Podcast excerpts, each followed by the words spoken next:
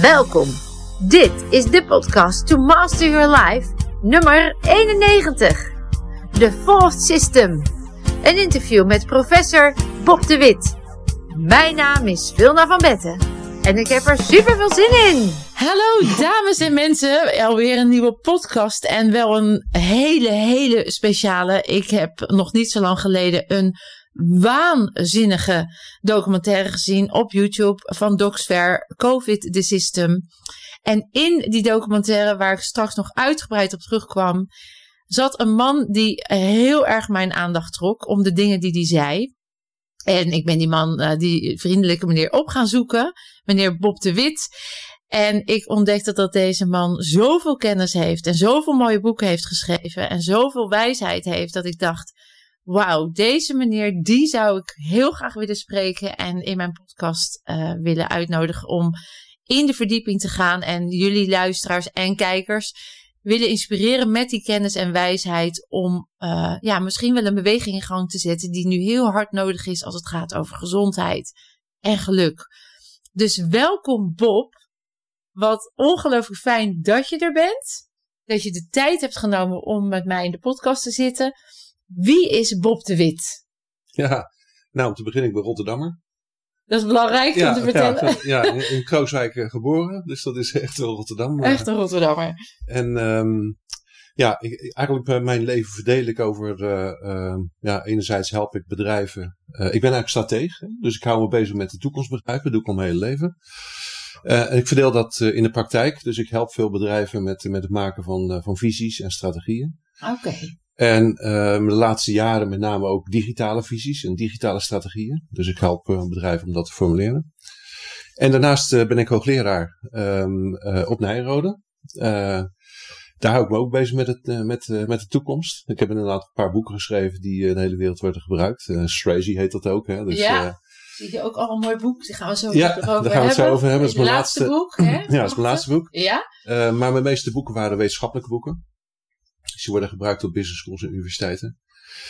Ja, en een jaar of, uh, denk een jaar of zeven geleden, acht jaar, zeven jaar geleden ongeveer, toen, ja, ik hou me bezig met de toekomst. En steeds meer begreep ik dat, uh, dat de wereld aan het veranderen was. Uh, en dat had vooral te maken met allerlei technologieën. Dus ik ben me eerst gaan verdiepen in al die digitale technologieën met name, maar ook biotech. Want waar moet ik dan aan denken? Qua technologieën bedoelt het internet, de globalisering daarmee, gewoon alle praktische gebruiks... Ja, nou, het begon, begon met, met, uh, met, met een computer gewoon. Hè? Dat waren de Atari en de Commodore ja. 64, dat is ja. een beetje begonnen. Weet je nog, ja. Ja, weet je nog, dat is inderdaad. Uh, en, uh, nou, en later kwamen er heel veel meer digitale technologieën bij. Internet heeft heel veel veranderd. maar bijvoorbeeld ook een blockchain technologie, kunstmatige intelligentie, industry platforms... Zo waren er steeds meer technologieën. Um, en, en gedurende die, die, en ik ging er veel, ik heb ook veel presentaties gegeven altijd uh, hierover, steeds meer. Um, er is langzamerhand begreep, bekropen een gevoel dat, dat de ontwikkelingen veel fundamenteler zijn dan dat er alleen maar een sector bij kwam. Hè. Dus heel lang zag, dacht men van nou, je hebt de olieindustrie en de vliegtuigen en auto's, er komt dan een computer bij. Hè. Dat, was, uh, dat was wel in het begin dacht nog soort onschuldig uh, apparaat wat erbij kwam. Ja, was uh, heel handig. Kon je leuke spelletjes mee doen. En met internet kon je met je vrienden gaan, uh, gaan telefoneren. Ja, gratis ja. over het internet en zo. Met je e-mailen. Ja, maar wat je ook voor, wat je daarna zag, is dat die computerindustrie eigenlijk alle sectoren ging veranderen. Hè, dat noemen ze dan de verticalisering. Hè, dus het gaat mm -hmm. door alle sectoren heen. door eerst te automatiseren en daarna te digitaliseren. En nou. Um, en toen al dacht ik van, het is veel fundamenteler. Uh, en dat was een soort gevoel uh, wat ik niet goed kon plaatsen. Uh, maar ik voelde gewoon dat ik in de overgangstijd zit. Ja, ja. Um, en toen werd ik gevraagd door de, door de rector van Nijrode om eens een oratie te gaan houden. Dat had ik nog nooit gehouden. Oké. Okay. Want er was een nieuwe rector, en, Misha Jolic heette die. En die zei van, uh, ja, ik probeer me in te leven wat alle hoogleraren doen en zo. En ik, uh, ik ga oraties lezen, maar ik kan die van jou niet vinden. Ik zeg, nou, dat kan kloppen. Ik heb hem nog nooit gegeven. Toen zei hij, waarom niet? Nou, omdat niemand me gevraagd heeft. Nou, zegt hij, bij deze. Oké. Okay. Dus toen uh, ben ik gaan schrijven. En toen had ik, en toen eigenlijk pas toen aan het schrijven was, moest ik al ja, op het papier. echt, echt op papier ja. gaan zetten. Moest ik echt gaan formuleren. Uh, en op een gegeven moment uh, had ik zo'n ingeving. En, en dat zie je ook in de, uh, in de titel van mijn oratie terug. Aan de vooravond van de maatschappelijke revolutie. Wauw. Zo heette dat. daar heb ik toen een oratie over gegeven. Was een hele leuke oratie overigens, uh, vond ik zelf. Um, want ik moest, ja, als wetenschapper is het moeilijk om, iets over de toekomst te zeggen. Zeker. Omdat hè, je moet eigenlijk iets analyseren, dat is wetenschap. Precies. Terwijl de toekomst is niet te analyseren. Nou, wat ik toen gedaan had, uh, ik had een script geschreven. Uh, en toen en toen was ik een oratie aan het houden. Um, en midden mijn oratie werd ik zogenaamd onderbroken door mijn dochter vanuit de toekomst. Oh, wat goed. Dat had ik van tevoren opgenomen thuis ja. natuurlijk. En ze was helemaal gesminkt. Ze was toen een jaar of 16 en gesminkt alsof ze 40 was. Oh, wat goed. en toen werd ik onderbroken. Um, en uh, werd grootschalig op, op de 8 mei werd geprojecteerd. Mijn dochter helemaal gesminkt en die ging mij toespreken vanuit de toekomst dat ik het helemaal verkeerd zag. Uh, en toen kon zij vertellen wat ik niet kon vertellen. Hè. Dat, heb ik Want zij gedaan. zat in de toekomst. Want zij zat in de Ja, toekomst, ja. En, uh, dus zij zei wat ik niet kon vertellen. Nou, dat was een hele leuke oratie. Um, Ja. Maar dat betekende ook nog, vanaf dat moment wist ik, hè, mijn, mijn mindset was van, we zitten in een veranderende maatschappelijke context. Nou, Ja. en wat betekent dat? Um, nou, dat hebben we een aantal keer eerder gehad. We hebben, hè, wij, wij kijken nooit verder dan nou, maar 100 jaar geleden of zo. Dus we zijn gewend om in een industrieel tijdperk te leven. Ja. met, met, met de democratie, partijen, democratie en alles wat erbij hoort.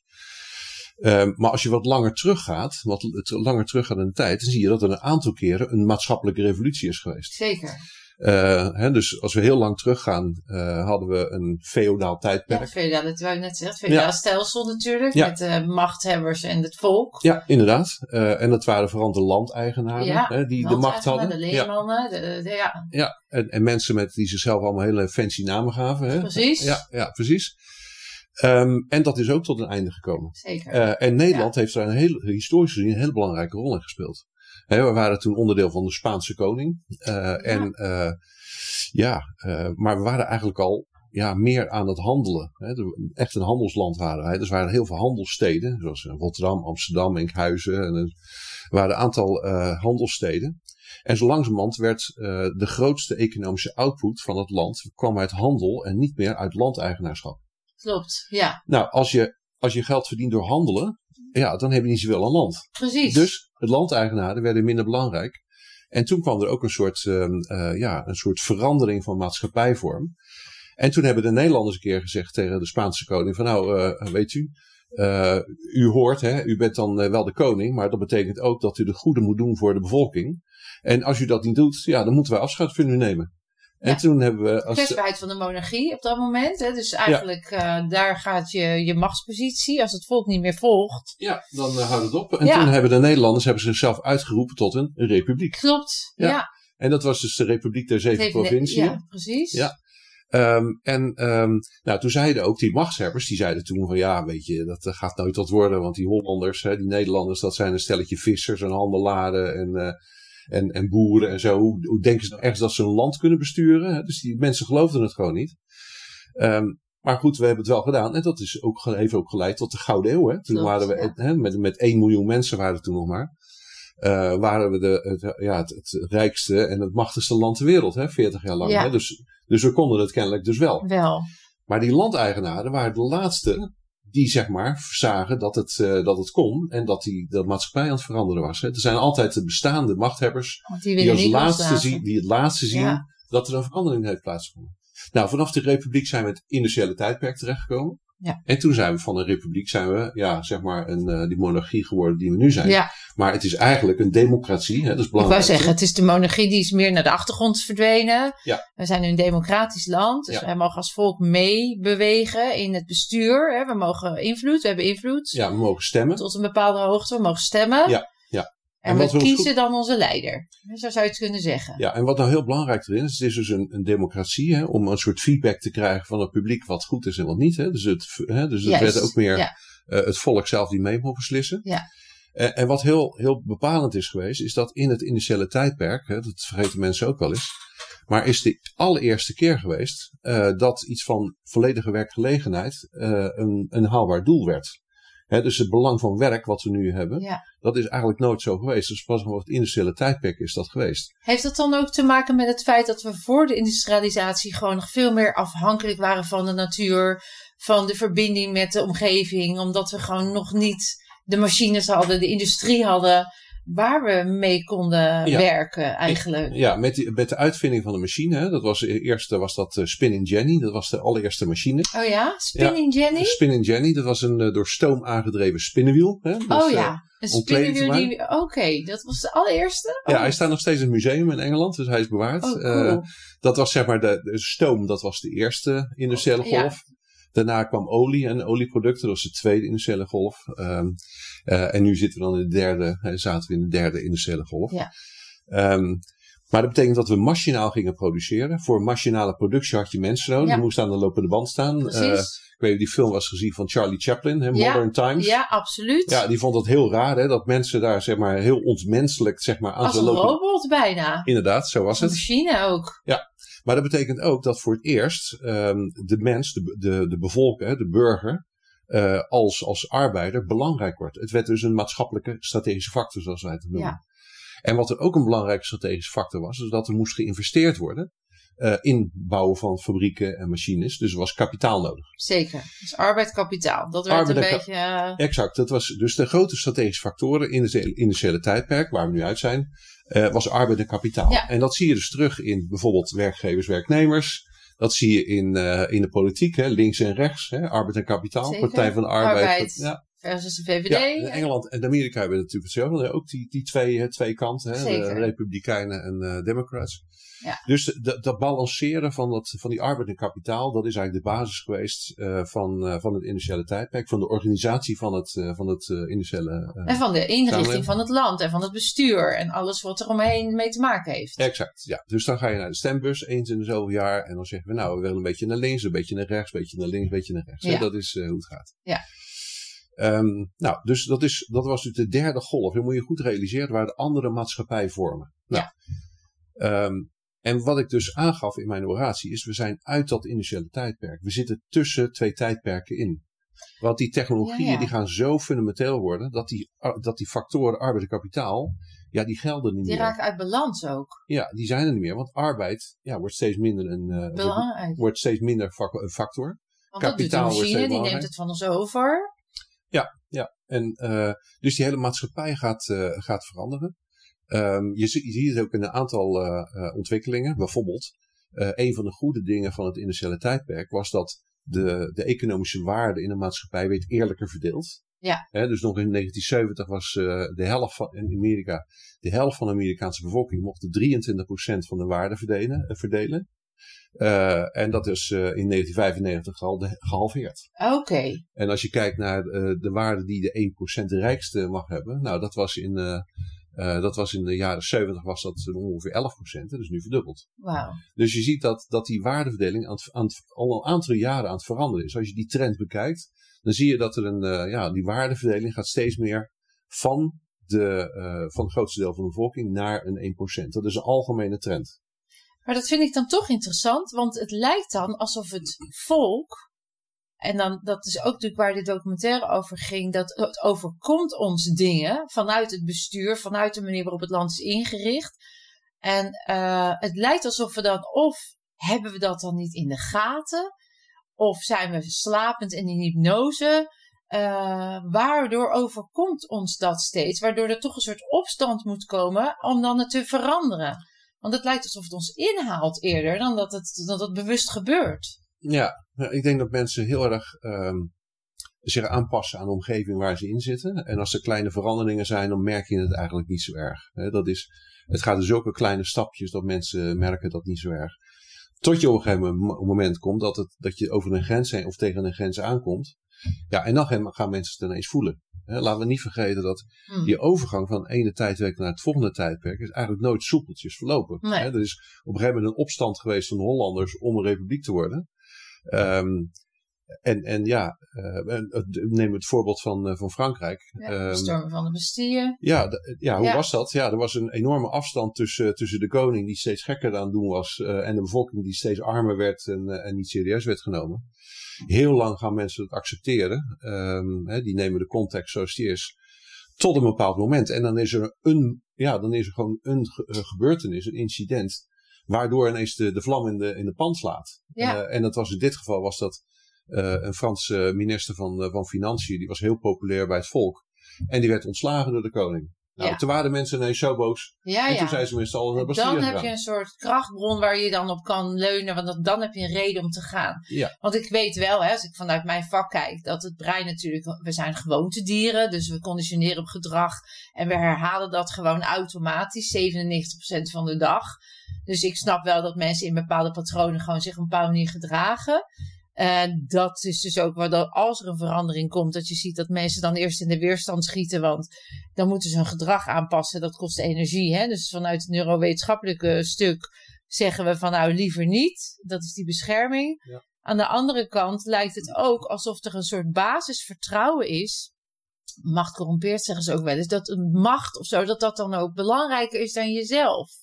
Dus alsof je kan zeggen, ik geef alles van mij wel in, leg ik wel in jouw handen. Want ik ga ervan uit dat jij voor mij de juiste beslissingen neemt. Waarbij we ook de verantwoordelijkheid over wat er, hoe het met ons gaat, met onze gezondheid, met ons geluk, geneigd zijn buiten onszelf te leggen. Is dat ook iets wat jij herkent in dit stuk van systemen en. eh, Ja, als, als je in dit soort eh overgangsperiode kijkt, dan zie je altijd een aantal mensen die, eh, die zitten heel erg in de weerstand. Hè? Bijvoorbeeld eh, toen we naar de Republiek gingen, ja, de landeigenaren die hadden er geen belang bij en die, die dat zagen ook ook met niet. belangen te maken. Dus die ja. zat, zaten allemaal in, eh, stonden eh, vol op de rem.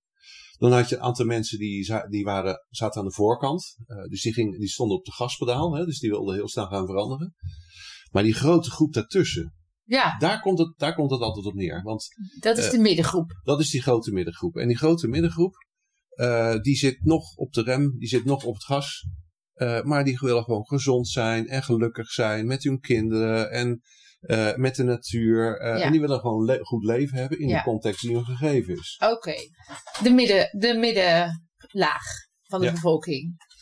Ja, je hebt altijd in zo'n maatschappelijke verandering, hè, van de ene maatschappij naar de, naar de volgende, heb je altijd mensen die, die staan op de rem. Die hebben er geen belang bij, die zien ook niet wat er gaat gebeuren. Dat was toen in het feodaal tijdperk.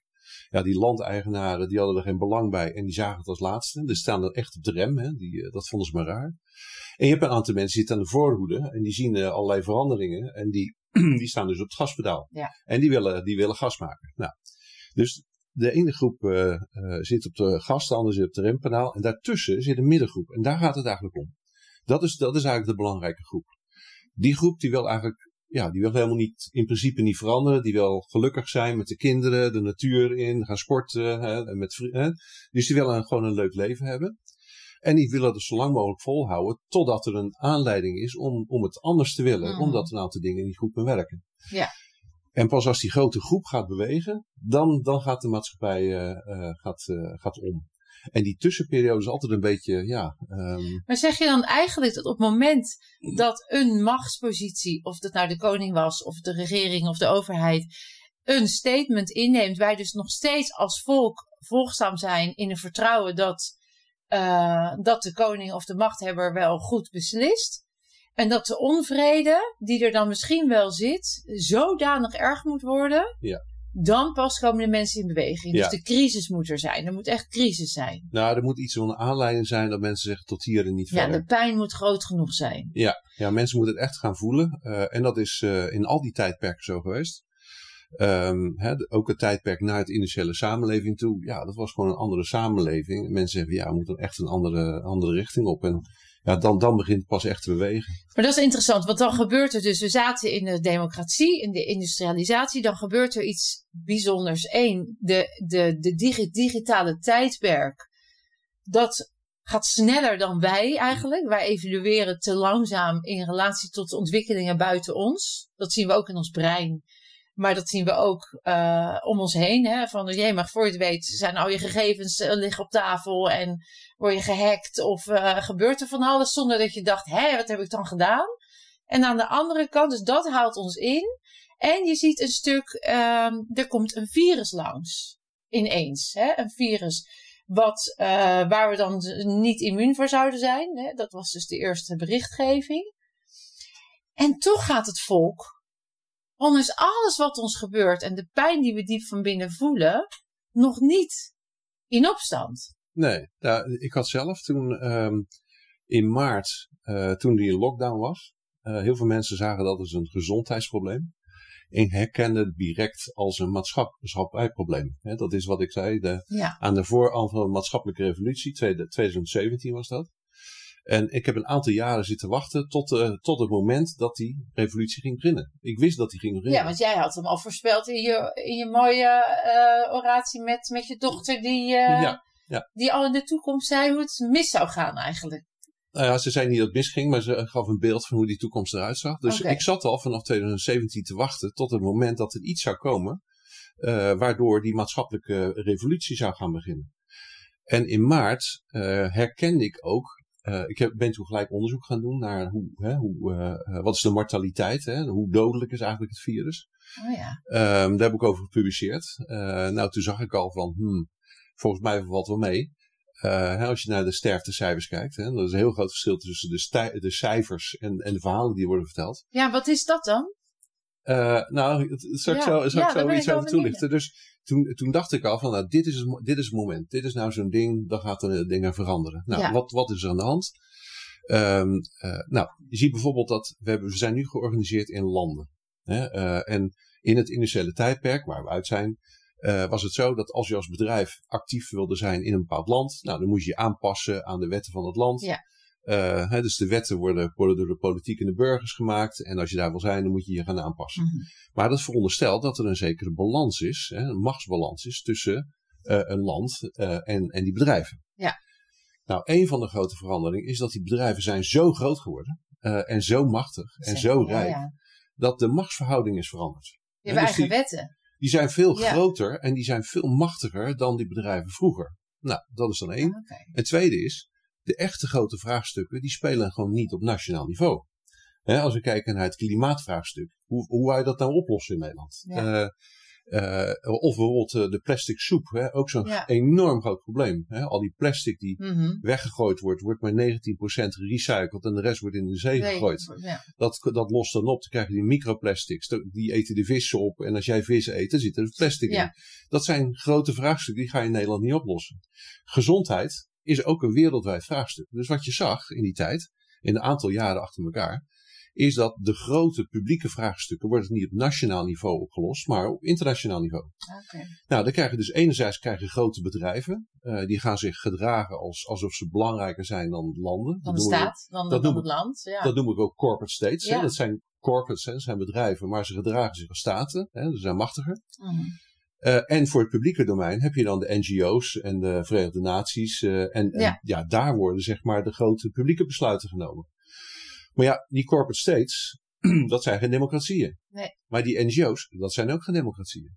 En als je kijkt naar de hoeveelheid NGO's, hè, dat is de afgelopen honderd jaar echt geëxplodeerd. Dat waren eh, van, van een paar naar eh, ja, duizenden.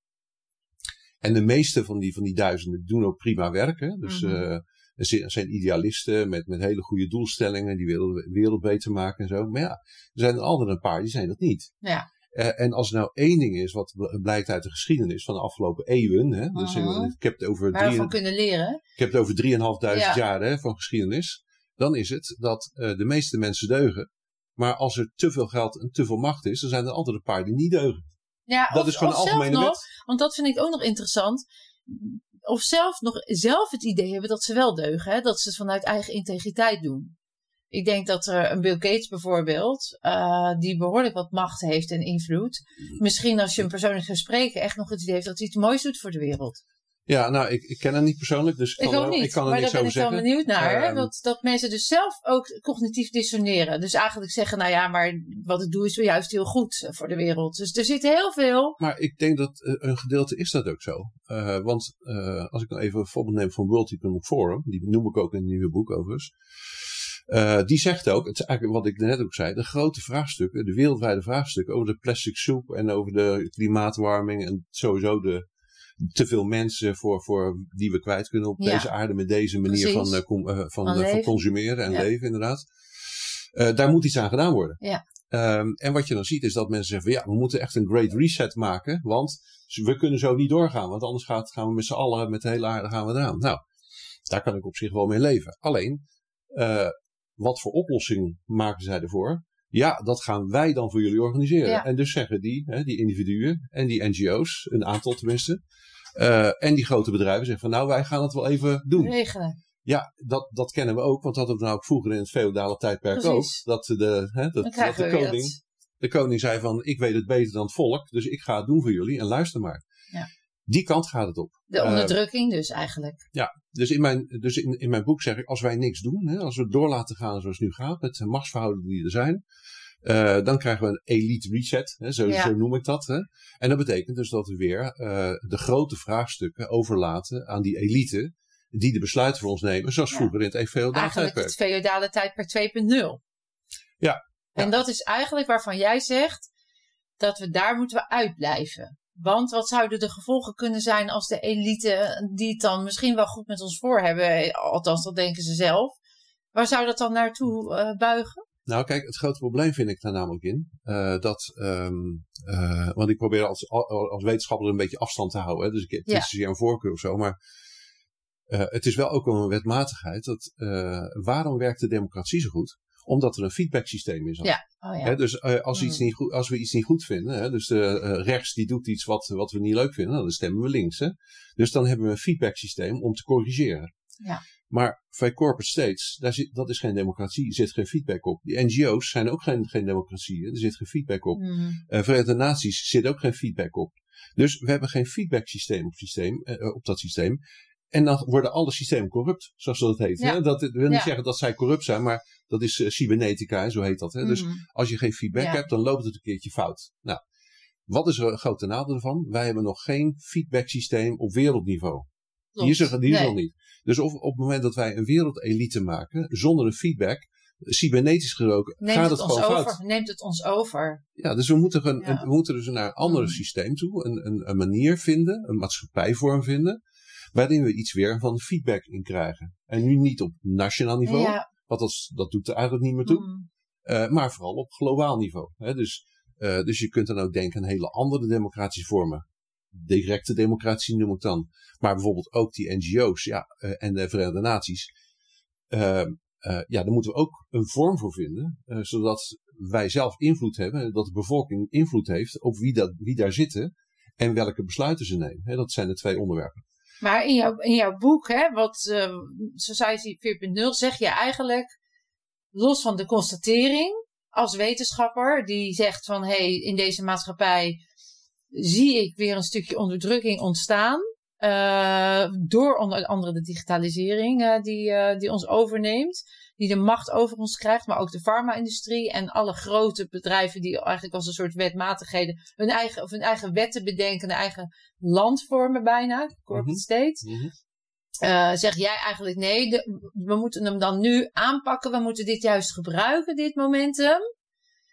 Als een soort organisch eh, iets wat ook in alle eeuwen al duidelijk is geworden. Dat dat altijd yin-yang moet blijven, balans moet houden. We moeten nu iets anders gaan organiseren. En in dit boek beschrijf je ook hoe we dat dan kunnen doen. Ja, ik denk als, eh, eh, want het boek dat heb ik toen, eh, ja, die was ik al mee bezig toen de lockdown begon. Ja, En toen dacht ik van nou, dit is het moment om het boek af te schrijven. Dus toen heb ik hem helemaal afgezonderd Ja, oh, en permanent. jij wist dit is Ja. het momentum. ja, toen ben ik echt in de zomer ben ik naar Bonaire gegaan, want daar schrijf ik graag. Hè. Als ik schrijf, dan moet ik echt een beetje apart, een beetje in een tropische omgeving zitten. Oké, en, en- dat en- is jouw inspiratieplek. Ja, dat is mijn inspiratieplek inderdaad. Ik ben een beetje tropisch van binnen. Aha. Eh, en toen, eh, toen ben ik gaan gaan schrijven. Ik wilde hem per se af hebben. Nou, net een paar weken geleden is die, eh, is die gepresenteerd. Dus, En al goed verkocht ook, begreep ik. Ja, hij doet het goed inderdaad. Want het geeft hoop, het geeft Ja. een uitweg. Het geeft ook, jij benoemt eigenlijk wat vele mensen misschien wel denken. Dat was ook zo mooi in de documentaire waar jij in voorkwam. Hè, dat pakt eigenlijk beet wat de mensen voelen, maar niet konden beetpakken of geen bewijskracht hadden daarvoor. Ja. Eh, en, en onder andere Nico Sloot, maar ook jij en nog een andere, andere sprekers pakken eigenlijk precies de es- essentie neer waarvan ik voel. En ik denk met mij heel veel mensen van ja, dit is waar het over gaat. Ja. Eh, daar wil ik nog heel even kort op inzoomen ook. Maar wat ik vooral ook interessant vind, daar ben ik nog steeds over geboeid vanuit mijn eh, vak en vanuit mijn psychologische achtergrond. Als ik nu bijvoorbeeld naar China kijk en als we het dan hebben over het digitale tijdperk, dan zie ik dat daar de vrijheid al heel erg in gebondenheid is. Zogenaamd vanuit integriteit. Hè. Je wordt gescand op straat, als ik het goed heb. En je krijgt punten als je je braaf gedraagt. En als je je niet braaf gedraagt. En ik weet dan niet zo goed wat hun normen zijn hoor. Wanneer ben je niet braaf? Uh, dan gaan de punten af. Maar sterker nog, de punten gaan er niet alleen af. Je komt op de zwarte lijst. En die zwarte lijst, dat bepaalt of jij wel of niet voorkeuren krijgt. Of naar op reis mag. Of uh, ja. toch? Ja. Zoiets is het systeem. En dat doen ze allemaal digitaal. Ja, China is een mooi voorbeeld. Uh, wat die technologie kan doen. Kijk, technologie is op zich neutraal. Ja, Te technologie heeft een voorkeur. Precies, er zit geen gevoel bij. Het is maar wat je ermee doet. En, en China wordt heel vaak, uh, en dat heb ik ook al jarenlang als voorbeeld gegeven, uh, is, een, uh, is een manier om met die technologie om te gaan. Hè? Dus die, die maken inderdaad gebruik van, van ja, gezichtsherkenning. Ze kijken naar hoe je betaalt, hoe je surft, hoe je in het verkeer bent. Alles wordt meegenomen. Dan krijgen we een burgerscore. dus die technologie wordt daar gebruikt om controle te hebben over de mensen. Uh, en als je een hoge score hebt, en dat bij Chinezen staat zelfs op hun family website, hè, dit is mm -hmm. onze uh, social credit score. Daar zijn ze dan trots op, want dan krijg je gezondheidszorg en je mag reizen. En ja, ja dus het wordt nog zo beloond. Dopamines worden aangemaakt. Want bij mij roept het op aan mijn never nooit niet. Dat heb ik ook met de vaccinaties. Als ik gezond ben en ik heb geen onderliggende klacht, waarom zou ik in godsnaam iets in mijn lichaam laten spuiten? Ja wat niet voor in mijn voordeel is. Op de lange termijn nog niet weet wat het met me doet. Dus bij mij komt een soort rebel naar boven juist. Van hoezo? Ik wil wel, leer mij maar mij om mijn eigen verantwoordelijkheid te nemen. Hoe ik mijn leven goed kan inrichten. Zodat ja. ik het gezond en gelukkig hou. Dat is ook waar ik voor sta. Wat mijn missie is. Maar ga mij niet vertellen en opleggen. Want dat is natuurlijk ook iets wat er dan ja. gebeurt. Dus wat maakt dan dat zo'n Chinees volk. Ja, die worden natuurlijk helemaal geïndoctrineerd. En die worden beloond. En die worden meegenomen. Nou, kijk, China heeft natuurlijk een andere geschiedenis dan Nederland. Zeker. He, dus die zijn al heel lang gewend dat ze. Dat Minder ze vrij gevochten. Ja, dat ja. ze rulers zijn. Ze, ze, ze, hebben wat langer de ervaring Dat met uh, onderdrukt worden, zeg maar. Ja. Uh, en wij Nederlanders hebben een andere cultuur. Hè? We zijn oorspronkelijk zijn piraten, weet je nog? Ja, ja. Handelaars en piraten. Ja, dus, ja. dus en die Oh, handelaars daar en komt piraten. de piraat in mij naar boven. Ja, die, die Oh, dat is een zekere leuk. opstandigheid. En die willen meer zelfstandig, hè? die willen echt uh, autonoom blijven en uh, die laten zich niet, niet iets aanpraten. Maar als je nu ziet wat er al veranderd is tussen maart en nu, dat is natuurlijk ongelooflijk. Ik vind al het volk, ik, de burger, want het volk klinkt zo denigrerend, zo bedoel ik het helemaal niet. Nee. Maar ik vind dat wij als mensen al heel veel toestaan. Terwijl wat jij zegt vind ik ook interessant. En, over, en dat kwam ook zo mooi in die documentaire naar boven. Is dat wat over COVID verteld wordt. En het hele systeem eromheen. Met ook nog autoriteit erin gegooid. Het RIVM vindt dit. En de overheid. Hè. Dus het wordt. Ik weet niet of je bekend bent met het Milgram Experiment. Maar op het moment dat we er een autoriteit iets tegen jou laten zeggen. Dan ben je bereid om elektrische schokken aan iemand te Ja, ik- ik geven. Misschien het, ken je dat experiment wel. Nou, ik heb ook psychologie gestudeerd. Oh, nou, dus dan weet je Onder helemaal waar het over ja. gaat. Ja. Dat we dus bereid zijn om een, ver te gaan als een autoriteit zegt dat het goed voor je is. Ja. Terwijl in de documentaire wat zo mooi is, is dat je, daar wordt dus naar boven gehaald wat niet die gut feeling. Ja. Jij had in maart als iets van, hé, hey, wat gebeurt hier? Ja. En Nico beschrijft dat ook in die documentaire, dat hij dacht, hé, wat is hier aan de hand? Ik had dat ook. Wat? We weten er nog niks van, maar we gaan wel dit doen. Maar ja, wij, kijk, wij zijn in de voorhoede. Hè?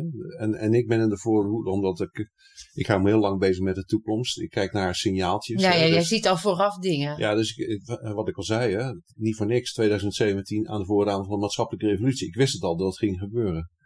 Eh, heel veel mensen willen gewoon een leuk leven hebben. En, en wat we ook niet moeten vergeten is dat de Nederlandse overheid is natuurlijk heel lang een hele betrouwbare partner geweest. Zeker. Die heeft heel, goed, heel lang goed gefunctioneerd. Maar elk systeem die heeft zijn, zijn opgang, zijn volwassenheid eh, en, en die gaat over het hoogtepunt heen en die komt in la- in, de, in de laatste fase terecht. En als je nu kijkt hoe betrouwbaar de, de overheid is, nou, kijk maar naar de toeslagaffaire, kijk maar naar de jeugdzorg, kijk maar naar het gezondheidssysteem. Ja, dat zijn allemaal systemen aan het einde van de levenscyclus. Nou, Ja, ja, waarvan je eigenlijk zegt, die, die werken niet meer. nee, nee, we moeten een ander systeem en zien de overheidsmensen dat dan niet zo? Eh, heel veel mensen wel. Eh, Of- als ik kijk naar eh, de reacties op, eh, op mijn boek. Hè, want ik heb meteen enorm veel reacties gekregen. En inderdaad, wat ik terugkrijg is van. Ja, ik heb al heel lang een onge- onge- on- ongemakkelijk gevoel dat er iets aan de hand is, maar ik Mm. weet niet precies wat. Maar jouw boek geeft precies aan, hè, die, die beschrijft eigenlijk heel objectief wat er gaande is. Ja, dat is het inderdaad. Ehm, En dat zijn ook heel veel mensen bij de overheid. Alleen dat durven ze niet openlijk te zeggen. Nou ja, of komen we dan weer in het systeem van wat je vertelde over het feodale stelsel, dat als je eenmaal in die machtspositie zit en dat wordt aangeraakt, dat je, dan, dat je je bedreigd voelt en dat je dus nog even in de weerstand gaat en vasthoudt aan wat je hebt. Ja. Dat gebeurt eigenlijk ook. Ja, ja, ja en ze hebben liever de, devil they know than the devil they don't know. They don't dus, know. Hmm. Uh, dus ze, uh, ze weten, ja, ik bedoel, er moet echt iets gebeuren voordat mensen, ook al vinden ze het ongemakkelijk waar ze in zitten, uh, als mensen nog steeds het gevoel hebben, joh, met een vaccin heb ik mijn vrijheid weer terug. Dan vinden ze dat fijner Is om te horen. weg. Dan te zeggen, we, ja, maar als we nou gezond zijn en we hebben een immuunsysteem en zo. Uh, ja, maar dat weet ik niet zeker, want er zijn allerlei mensen die zeggen dat het niet zo is en zo. Dus ze zitten echt in omslag van, ja, wie moet ik nou eigenlijk geloven? En dat is natuurlijk ook weer het nadeel of het nadeel, dat is ook weer inherent aan het digitale tijdperk. Je hoort zoveel verhalen en alles komt gewoon naar je toe. Via Facebook, via Instagram, via LinkedIn. Dus je weet op een gegeven moment als mens niet meer. Nee. Ja, Bob kan het wel leuk zeggen, maar uh, die zegt weer wat anders. Ja. En wie is geloofwaardiger, weet je wel? Ja. Dat. Nou ja, kijk, het nieuws, uh, dat, dat is natuurlijk ook een van de problemen. Hè? Uh, niet alleen die technologie heeft het inzicht om controle te krijgen over mensen, wat je Ja. in China ziet. Nou, dat, uh, dat, dat probeert men elders ook. Uh, ook hier. Um, uh, maar, um, um, wat zou ik nou zeggen? Nou, dat het dus interessant is dat ook de digitalisering daar weer invloed heeft op Oh ja, ik weet waarom wel, mensen niet ja. meer. Ja. Nee, wa- wat je dan ziet is dat, uh, wat voor nieuws moet je nog geloven? Ja, Als je kijkt nu wat er mogelijk is, technisch gezien, om eigenlijk alle berichten ja, uh, te faken, hè, om er allerlei draaien aan te geven. Ja, ik weet op een gegeven moment, als ik een bericht kijk, hè, vroeger dacht ik van, oh, dat is interessant uh, om te lezen. Maar nu denk ik als eerste van, is het wel waar? ja. En dat Precies. Heeft, hè, ja. Dus je weet eigenlijk niet wat, uh, wat er gebeurt. Wordt ook gemanipuleerd. Hè? Dus wat Ja. wij te horen krijgen, wordt gemanipuleerd. Wordt Dat is lang niet gemanipuleerd. altijd waar. Nee. Uh, en dat heb ik bijvoorbeeld gezien bij mijn berekening die ik maakte over de mortaliteit van, uh, van COVID. ja, dat klopt dus gewoon niet. Uh, nee, nou, het- ja, nee, dat klopt. Dus allerlei verhalen over besmettingen en, uh, en zo. Uh, ja, het, het is misschien wel waar, dat weet ik niet. Maar wat ik dan doe, ik kijk dan alleen maar naar de mortaliteit. Niet dat, omdat het allerbelangrijkste is, maar het is wel het enige wat objectief meetbaar is. Ja, want dat, is, Want dat het- weet je zeker. Iemand is dood of is niet dood. Ja, en dat wordt allemaal bijgehouden Mm. door het CBS. Ja. De CBS houdt wekelijks, al jarenlang, houden ze gewoon wekelijks de sterfte bij. En dan kun je kijken of er oversterfte is. Hè, dan, want dan uh, zeggen ze, hij is overleden aan COVID. Nee, ze zijn overleden met COVID.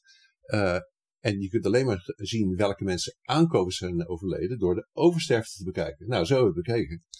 Nou, en dan blijkt dus dat uh, in de categorie tot 65 jaar is er in dit jaar ondersterfte. Dus helemaal geen oversterfte. Dus, dus tot 65 jaar kunnen mensen kennelijk prima met dat virus omgaan. Hè? Dat blijkt het, wat is ondersterfte. Uh, de echte oversterfte zit hem in uh, de, de categorie uh, van 65 tot 80, maar met meerdere onderliggende ziektes. Dus mensen gaan wat eerder dood. Hè? Dus uh, ze zijn zwak en Hun daardoor... immuunsysteem is al aangetast, dus COVID er overheen maakt. Ja, dat is ook uh, wat, wat virussen meestal doen. En de grootste oversterfte zit in een categorie van boven de 80. Uh, maar vanwege de vergrijzing is twee derde van de oversterfte hè, van mensen boven de 80 toe te schrijven aan de vergrijzing. Ja, ja. Uh, en, nou, en op basis daarvan kun je dus een, wat ze noemen dan een mortaliteitscijfer uh, kun, je, kun je geven. En als je het dan bekijkt, dan zit het alleen maar bij de categorie van 65 tot, uh, en tot boven de 80. Uh, en dat is alles bij elkaar. Als je dan de hele bevolking neemt, 0,23 procent. Wow. Nou, als je dat dan vergelijkt met griep, dat is 0,19 procent. Ja. Dus? Het ontloopt Maar- elkaar niet. Ja, en even voor, voor de mensen die zeggen van ja, maar het, is, Ja. het is heel anders. Ja, het is ook inderdaad anders. Het is een, het is een naar virus. Hè. Het Ja. heeft ook hele nare eh, klachten. En, Ja. en, eh, dus bedoel, dat ga ik echt niet ontkennen. Je moet Hoef het gewoon, niet te bagatelliseren. Ik ga het absoluut niet bagatelliseren. Het is een, eh, als je het gehad hebt, is het echt vervelend. Ja. Ehm, maar het is niet zoals de WHO zei eh, in maart. Ehm, eh, zei- Iedereen is niet immuun. We zijn allemaal niet immuun en we kunnen er dood aan gaan. En, eh, Ja, en zij zeiden, de mortaliteit is 3,4 procent. Nou, dat is belangen nou niet. Het is nog geen 10 procent ervan. Dus ja, precies. dat zijn gewoon de feiten. Nou, Ja. daar ga ik dan mee, mee werken. Ehm, ja, en dan is gezondheid en, en het gezond leven, dat is dan eigenlijk, eh, eigenlijk heel erg belangrijk. Dus de en grootste dat wordt dan niet benadrukt. Hè? Want dat is waar ik natuurlijk wel, wat, dat is nu mijn stuk. Van hé jongens, zorg goed voor jezelf. Hoe kun je dat doen? Leefstijl, maar ook energetisch. Hè? Vanuit je celstructuur. Eh, daar hoor je dan niets over in de persconferentie. Mm, Nee, nee, maar dat heeft dus te maken met dat, dat we tussen tijd, tijdperken leven. Tussentijdperken, dan ga je naar een nieuwe vorm toe. Er zijn altijd een aantal partijen die Oh, willen ja. dat vacuüm gebruiken om hun belangen te, te dienen. Nou, eh, en, en als we met veel geld en veel macht te maken hebben, dan, eh, dan zijn er altijd een paar die, eh, die willen meer macht en geld hebben. Zo is het altijd gegaan, al duizenden jaren zo. Ja. Dus zo, zo erg is de mensen ook weer niet gemuteerd. Hè? Dus dat is nog steeds hetzelfde. Ja, klopt. Eh, dus je ziet in dit, in dit vacuüm, zie je dus aan mensen die heel opportunistisch dat willen gebruiken om zichzelf machtiger en rijker te maken.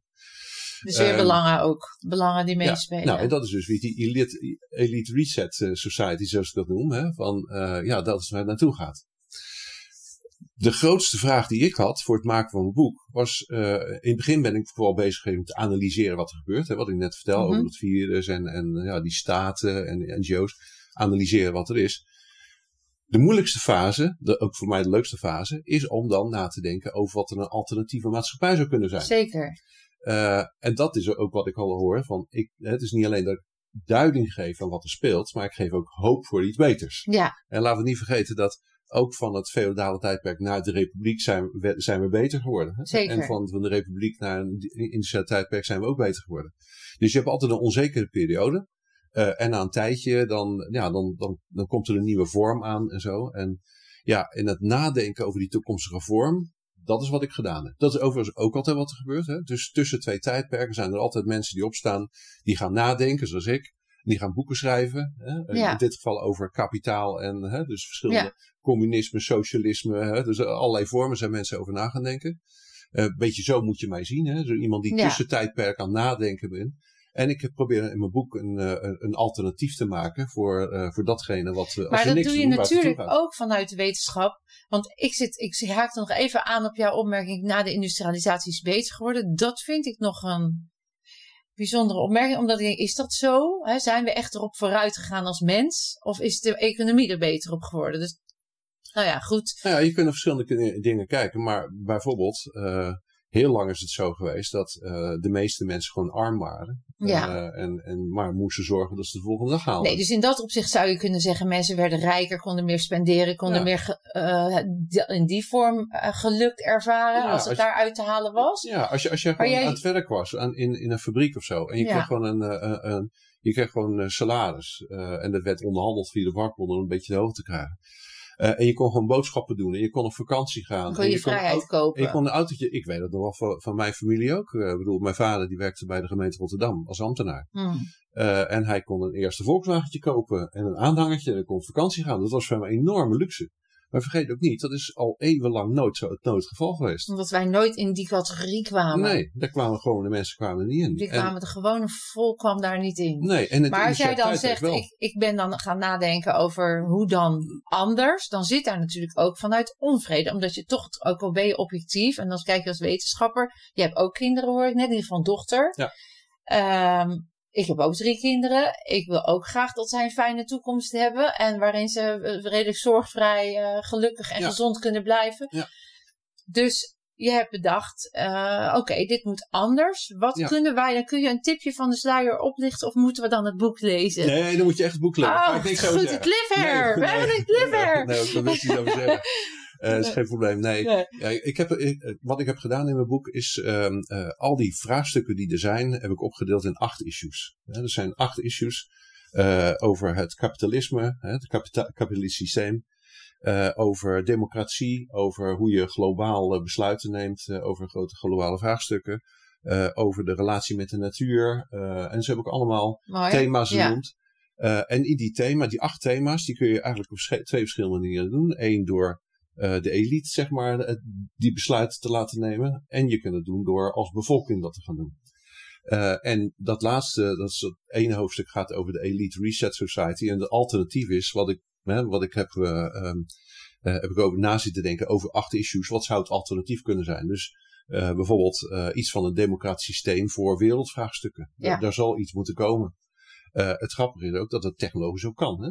Ja, ja. Eh, want kijk, vroeger was het heel moeilijk om te stemmen. Maar tegenwoordig heb je gewoon een smartphone. Druk op de knop. Eh, en je kijkt even, nou wat vind ik ervan? Huppatee. Eh Ja. En als je dan met een, eh, met een paar honderd miljoen mensen doet, nou dan krijg je echt wat we noemen de wisdom of the crowd. Hè? Dus dan haal je de wijsheid uit, eh, uit, uit de groep. Uit de groep, ja. Dus in principe is de technologie geschikt voor de, di- directe democratie. Nou, en zo maken al die technologieën maken het ook mogelijk uh, om een altijd andere maatschappij te maken. Dus jij zegt veel meer het, uh, de mens en dan eigenlijk minder onderscheid tussen de elite en de burger. Allemaal gewoon stemrecht, allemaal gewoon invloed, middels de technologie. Dan komt er gelijkwaardigheid, dan komt er veel meer balans. Dan gaan we weer goed zorgen voor onszelf en voor de natuur. Dat is eigenlijk dan waar jij voor pleit. Hoe kunnen wij nu concreet, hè, we zitten nu dit te luisteren, misschien wel te kijken. Wat kan ik nu doen om al daarin een beweging, want zoals het nu gaat, lijkt het alsof ik geen invloed heb. Ik kan een podcast maken, kan een boek schrijven, jij ook. Ja. Maar gaan we daarmee de oorlog winnen? Oh, het is niet eens oorlog, maar gaan we daarmee een verschil maken? Ja, je kunt natuurlijk als je. Um, kijk, de, de, gro de grote, daar hebben we al eerder over gehad. Uh, het echt verschil wordt gemaakt door die 60% Die van de middengroep. middengroep. Dat, dat is waar. Als die mensen zeggen van nu, uh, uh, nu willen we niet meer. En die gaan zich verenigen. Mm -hmm. Uh, en we gaan de goede dingen doen, dan gaat er ook echt een beweging op gang Alsof, komen. Dus Dat wij kan. gaan de sneeuwbal, daar geloof ik namelijk ook heel erg in. En toen ik mijn uh, helende methodiek naar buiten bracht, toen, dan zeggen heel veel artsen, ja het is fantastisch, alleen we kunnen er niks mee, want we werken nou eenmaal jaren zo en het is te ingewikkeld om Ja. het in te voeren, bla bla bla. Toen heb ik gezegd, dan ga ik me niet richten op die 20% die niet mee kan, maar ik ga me richten op de groep die wel mee kan. En met elkaar maken we de sneeuwbal en dan komt het vanzelf, volgt de rest erachteraan. Exact. Dus we moeten gaan Ja. clusteren, we moeten groepen gaan vormen. Wat moeten we gaan doen? Wat Nou, moeten we... Nou, ook hier geldt weer voor. Uh, de technologie is er. Want kijk, vroeger was het heel moeilijk om in contact te komen en iets af te stemmen met iemand in Peru of ja, Amerika precies. of zo. We kunnen die- nu elkaar vinden. Maar die technologie is er gewoon. Hè? Dus, dus we kunnen die, die platformen die nu, ja, eh, ontstaan. die nu gedomineerd worden door, door de grote Ja. techbedrijven en, en die dus censureren en, en dat soort dingen. ja, want hoe, ja, dat is ook nog een ding. Ja, ja. En, en sommige mensen van, van LinkedIn afgooien en Ja. zo. Dat gebeurt nog wel eens. Ehm, ik ben er ook afgegooid een keer omdat ik iets eh, zei wat, eh, wat ze niet wilden horen. Oh, Dus die, maar dat, hè, dat wordt nu, hè, dus nu worden die Hmm. sociale platformen daarvoor gebruikt. Maar je kunt ook zeggen, nee, de technologie is er. Dus we kunnen wereldwijd kunnen we in, een verbinding, eh, kunnen we in verbinding komen. En als wij met z'n allen zeggen van nou, hè, en er komt ook een uitweg, dan kunnen we een andere maatschappij maken. En, en ik beschrijf in mijn boek, eh, eh, natuurlijk moeten ze het kopen, maar ja, wat- ook lezen. Maar wat ik eigenlijk probeer te doen, is mensen vooral ook hoop geven. Ja, eh, Dat het met Dat deze ontwikkelingen, met deze technologieën, als we met z'n allen die kant op gaan, dat er ook echt een betere maatschappij te maken valt. Hè? Dat, Ja. dat kan ook echt. dus we gaan uit van het feit dat de meeste mensen deugen. Dat we in Exact. intentie eh, gaan voor een nieuwe beweging meer dan een tegenbeweging. Waar ik zelf ook heel erg voor ben. En dat we met elkaar sterk staan. En als we allemaal maar gewoon blijven roepen en kritische vragen blijven stellen. En wel eh, voelen wat levert het op. Want die vraag lijkt uit het oog verloren te zijn. Wat levert nou de beslissing die we nu nemen op de lange termijn op? Eh, dan kunnen we elkaar vinden. En dan zal er op een gegeven moment gehoor. En dan zullen we geluid kunnen maken. Ja, wat, ik, wat het heel belangrijk is, is die verbinding tussen mensen. Ja. En wat je nu een beetje merkt, is een soort polarisatie. Ja. Je, je hebt, Ja, juist. Krijg je Eh, niet- complottheorieën en verdeeldheid. als je niet voor bent, dan ben je tegen. Tegen. En als je iets zegt wat mensen niet horen, dan is het complot. Hè? Dus ja. je wordt als ja, het feit dat jij zegt die mortaliteit die, die klopt niet, die cijfers, dat zou al op complottheorie kunnen eh, gelabeld worden. Jij bent zeker tegen. Ja, ja, nou ja, ja, je, Ja. Wordt, je wordt dan geframed en, en die ge- ge- gepolariseerd. Ja. En, ik- en er zijn heel veel eh, mensen die, eh, die best te vertrouwen zijn, die, hè, die, die gewoon analyses doen en, en dat delen. Laten we gewoon naar elkaar gaan luisteren. Luisteren, Ik bedoel, ook ook als je het niet eens bent, so what, weet je wel. Ehm, ik ben, sta, stel jezelf open voor ook andere ideeën. Ja, en ik, ik ben natuurlijk in de wetenschap gewend. Eh wetenschappers zijn altijd met elkaar oneens. Mhm. Nou, dan gaan ze bij elkaar zitten en hebben ze goed debat en dan zijn ze verliefd op elkaar. Ja. Ik bedoel, zo gaat het in de wetenschap. En nu lijkt het wel dat als je een ander idee hebt, ja, dan ben je tegen, of je bent een, hè, je bent een complot, of je bent dat of zo. Ja, laten we ons niet gek meer maken. Nee. Laten we gewoon met elkaar in gesprek gaan. Wat, Ja, wat ik had zelf daar nog een mooi voorbeeld van. Eh, ik had ze aangegeven hoe je vanuit celniveau met je schildklier ook aan de slag kan. Dat klinkt misschien voor heel veel mensen nog abstract en vaag. Voor mij is dat heel wetenschappelijk en concreet. Eh, maar dat is nog onwetend daarbuiten. En ik had dus daar een post over gedaan. En toen kreeg ik daaronder een opmerking van de schildkliervereniging. Van nou, wat een onzin. En eh, lees gewoon de informatie op de website van de schildkliervereniging. Terwijl ik ook daar onderwerp geschreven. Wat zou het fijn zijn als je open zou staan voor deze andere kijk, waardoor nog meer mensen nog sneller van die schildklierproblemen af kunnen komen, in plaats van mij gelijk te verwerpen. Wat weet je er nou eigenlijk van? Ja. En dat is een beetje wat je ziet gebeuren, alsof er een wedstrijd ontstaat in plaats van, hé, hey, er is een nieuw inzicht. Daar kunnen we misschien wat mee.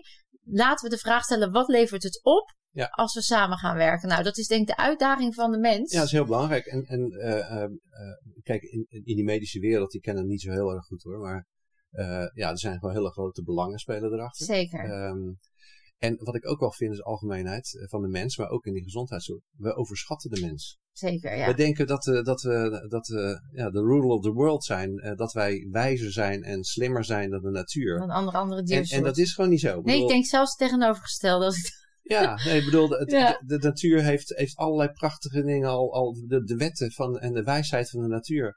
Laten we daarin teruggaan, want die heeft een wijsheid wat de mens niet heeft. Nee, laten we daar Eh, weer naar gaan luisteren. En, en we, hebben een, we hebben namelijk al een geweldig eh, vaccin ontwikkeld. De natuur heeft het al gedaan, dat heet immuunsysteem. Ja. Eh, en, eh, en, Versterk dat, hè? Versterk je immuunsysteem. zorg dat je beweegt, ben je dat je eigen medicijn. bent. eh, en- Groenten. ik bedoel, zijn, bedoel, wijzer dan de natuur gaan wij nooit worden. Dus Nee, als we daarnaar mooi gaan luisteren en we zoeken de verbindingen om met z'n allen. en we zeggen, ik heb ook een website geopend. Oké. eh, wat, wat ook bedoeld is om mensen bij elkaar te, Te brengen, verbinden? te verbinden. En te kijken of we alternatieven kunnen gaan maken. Mooi. Dan hoop ik dat mijn boek een, eh, ja, niet alleen hoop is, maar ook een, eh, ja, een, een methode om mensen te verbinden en samen zeg maar. eh, Katalysator eigenlijk voor Ja. de nieuwe beweging. ja, en ik denk dat juist belangrijk is dat we accepteren dat we allemaal gelijk zijn. en niet dat we ongelijk zijn. Ja. Dat, het, de geschiedenis is altijd fout gegaan. Op het moment dat sommige mensen zichzelf meer vinden dan anderen. Daar is het altijd fout gegaan. Ja. Als we nou gewoon het uitspunt nemen, we zijn allemaal gelijk. We willen allemaal gelukkig zijn. We gaan voor elkaar zorgen. Daar word je ook gelukkig van trouwens. Eh, en we gaan goede dingen doen. Ehm, ja, eh, dan, dan hoop ik dat, dat ik daar een bijdrage aan kan leveren. Nou, mooi. Ik, eh, Bob, ontzettend inspirerend. Ik denk dat het een mooi einde is van onze een, ja, mooie diepgaande podcast. Waarin toch heel verhelderend is uitgelegd dat we meer kunnen dan we denken. Dat we ook met elkaar meer kunnen bereiken. En dat we vooral ook in verbinding mogen blijven met elkaar om vanuit gelijkwaardigheid de toekomst eh, wat mooier, eh, rooskleuriger te laten zijn. Ja. Heel graag. Dus dankjewel voor je komst en je tijd. En eh, lieve dames en mensen, ik hoop dat jullie ervan hebben genoten, veel inspiratie hebben gehad. En je weet het, je kunt meer dan je denkt.